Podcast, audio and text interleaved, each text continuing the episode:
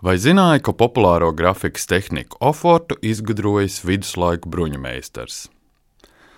Mūsdienās oforts joprojām ir viena no populārākajām dobspiedas grafikas tehnikām.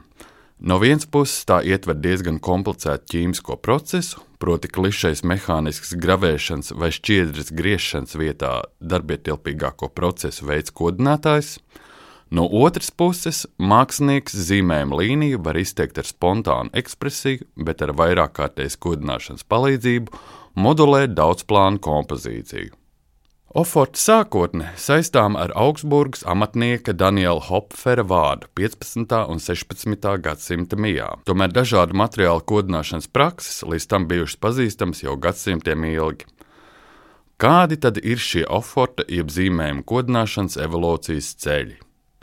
Indas ielas civilizācijā ornamenti uz akmeņiem tika kodināti ar sārmiem.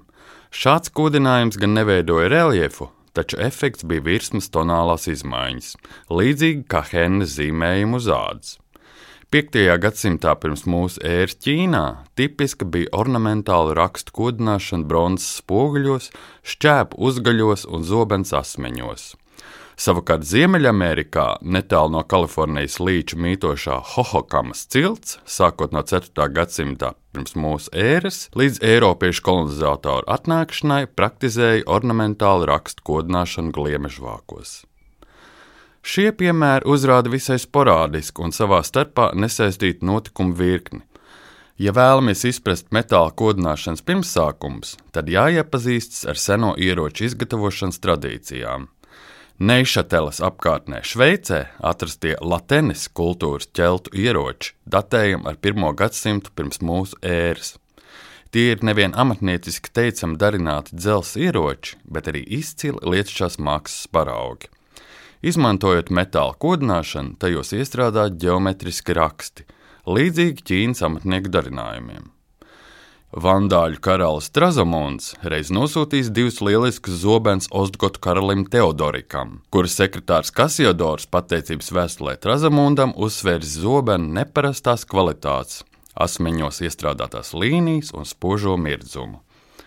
12. gadsimta arābu zinātnieku pētījumu tulkojumu apvienojumā ar ķēltu kalēju tradīciju pārmantošanu kalpo par pamatu viduslaiku Eiropas amatnieku prasmēm attīstās divas metāla kodināšanas metodes - ar varu sulfātu šķīdumu un slāpekļu skābi.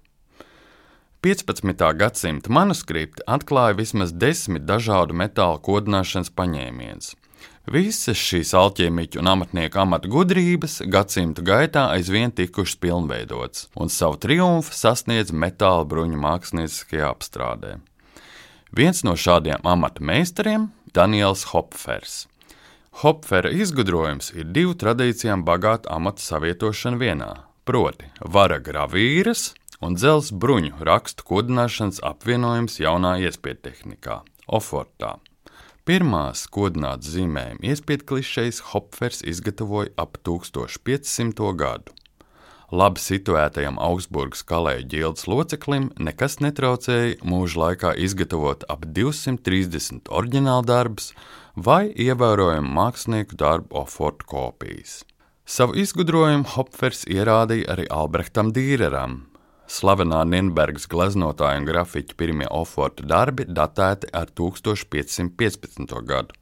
Tomēr paliekošu interesi jaunais medijs meistarā neraisīja, un Dīrers palika uzticīgs vara gravīrai.